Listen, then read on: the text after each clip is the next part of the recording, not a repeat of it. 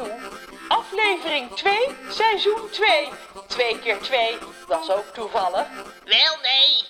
Vorige keer hoorden jullie hoe lang geleden een kraai de gedachten van alle levende wezens kon horen nadat hij in een ketel met macaroni was gevallen.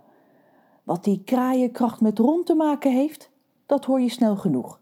We gaan eerst maar eens kijken hoe het nu met hem gaat. Hij heeft het druk zo te zien. Hij zit aan de keukentafel zijn sommen te maken, terwijl zijn moeder thee drinkt met reus en kraai. Ho, ho, ho, hoor ik jullie denken. Ja, ook ik heb een beetje kraaienkracht. Ho, ho, ho, zeggen jullie nog eens. Wat is dat nou? De moeder van Ron dacht toch dat Reus kinderen ontvoerde en nu zit ze gezellig met hem thee te drinken? Beste luisteraars, Rons moeder is natuurlijk niet van gisteren. Toen Reus was gearresteerd en Ron met zijn ouders naar het politiebureau was gegaan om uit te leggen dat Reus echt geen kinderontvoerder was, wilde zijn moeder eerst, zoals ze zei, een test doen om zeker te weten dat de grote man de waarheid sprak. Ga uw gang, mevrouw, zei de agent die Reus uit zijn cel had gehaald. Die wankelde op zijn stompbenen. Rons moeder ging vlak voor Reus staan. Ze kwam tot zijn navel. Buk eens, zei ze, ik wil in je ogen kijken. Reus keek aarzelend naar Ron, maar boog zich toen langzaam voorover. Iemands ogen vertellen altijd de waarheid, ging Rons moeder verder, terwijl haar strenge blik zich in de zachte bruine kijkers van Reus boorde. En als directeur van een spaghettifabriek is het heel belangrijk om te weten of iemand de waarheid spreekt. Als een van mijn medewerkers zegt: Ik zweer dat in elke doos evenveel spaghetti slier te zitten, dan controleer ik altijd even de ogen. Als iemand liegt, zien die er anders uit, alsof ze vol mist zitten. Dat is heel slim van u, mevrouw, zei de agent. Het is dat u al een goede baan heeft, anders zou ik solliciteren bij de politie als ik u was. Rons moeder leek niet te horen wat de agent zei. Ze staarde in Reus ogen en mompelde: Ik heb al heel wat leugenaars ontmaskerd, dus kijk maar uit, mannetje. mevrouw, ik heb echt geen mistogen, stamelde Reus, want ik lieg nooit. Hmm, humde Rons moeder, niet onder de indruk. Ze bracht haar gezicht zo dichtbij dat van Reus dat haar neus de zijne raakte. Hmm, de seconde tikte voorbij. Ga maar weer rechtop staan, zei ze eindelijk. Dat deed Reus. Hij keek bang. Ze schraapte haar keel. Ze zijn kraakhelder. Je spreekt dus de waarheid. Reus zuchtte opgelucht en Ron voelde hoe de knoop in zijn maag zich ontwarde. Zijn moeder glimlachte.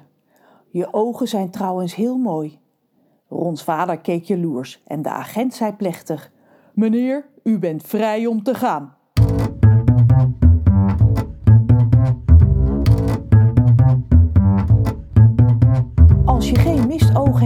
Dan is Rons moeder je beste vriend.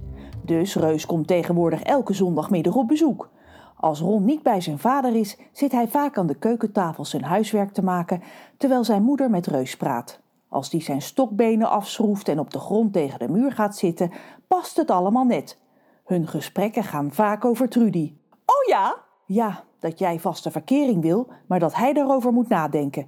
Ach, verteller, ik wacht al zo lang op een antwoord. Als hij liever geen verkering wil, gaan we toch gewoon eerst samenwonen of desnoods trouwen. Ik begrijp niet dat hij zo'n prijsvis als ik uit zijn handen laat glippen, want ik heb genoeg andere bewonderaars hoor.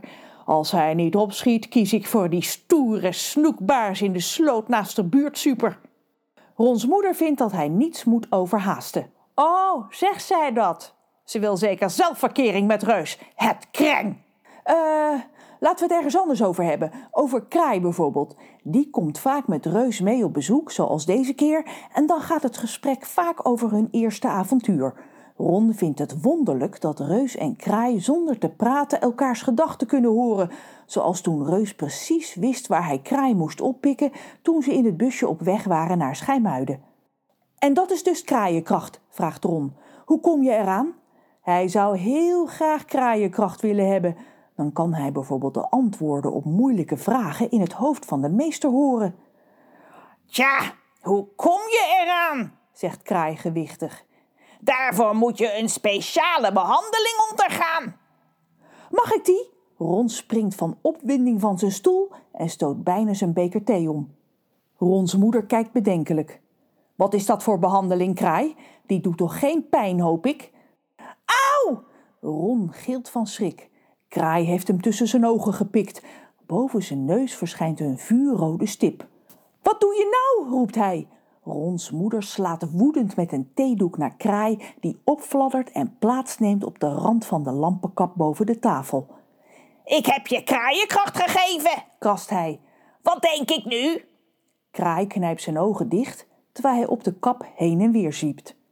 Ron gaat weer zitten en sluit net als Kraai zijn ogen. Er gebeurt niets. Concentreer je. Hoor je me praten in je hoofd? Nee, zegt Ron teleurgesteld. Misschien moet de kraaienkracht even aan Ron wennen, zegt Reus. Nee, dat is het niet, zegt Kraai ernstig, terwijl hij van de lampenkap hipt en op de tafel landt. Mijn kraaienkracht wordt minder sterk, ben ik bang. Het is tijd voor een onderhoudsbeurt. Voel weer een avontuur aankomen. Nou ja, ik vind alles best, zolang Reus maar niet met dat mens aan de keukentafel blijft zitten kletsen over onze verkering. Tot snel!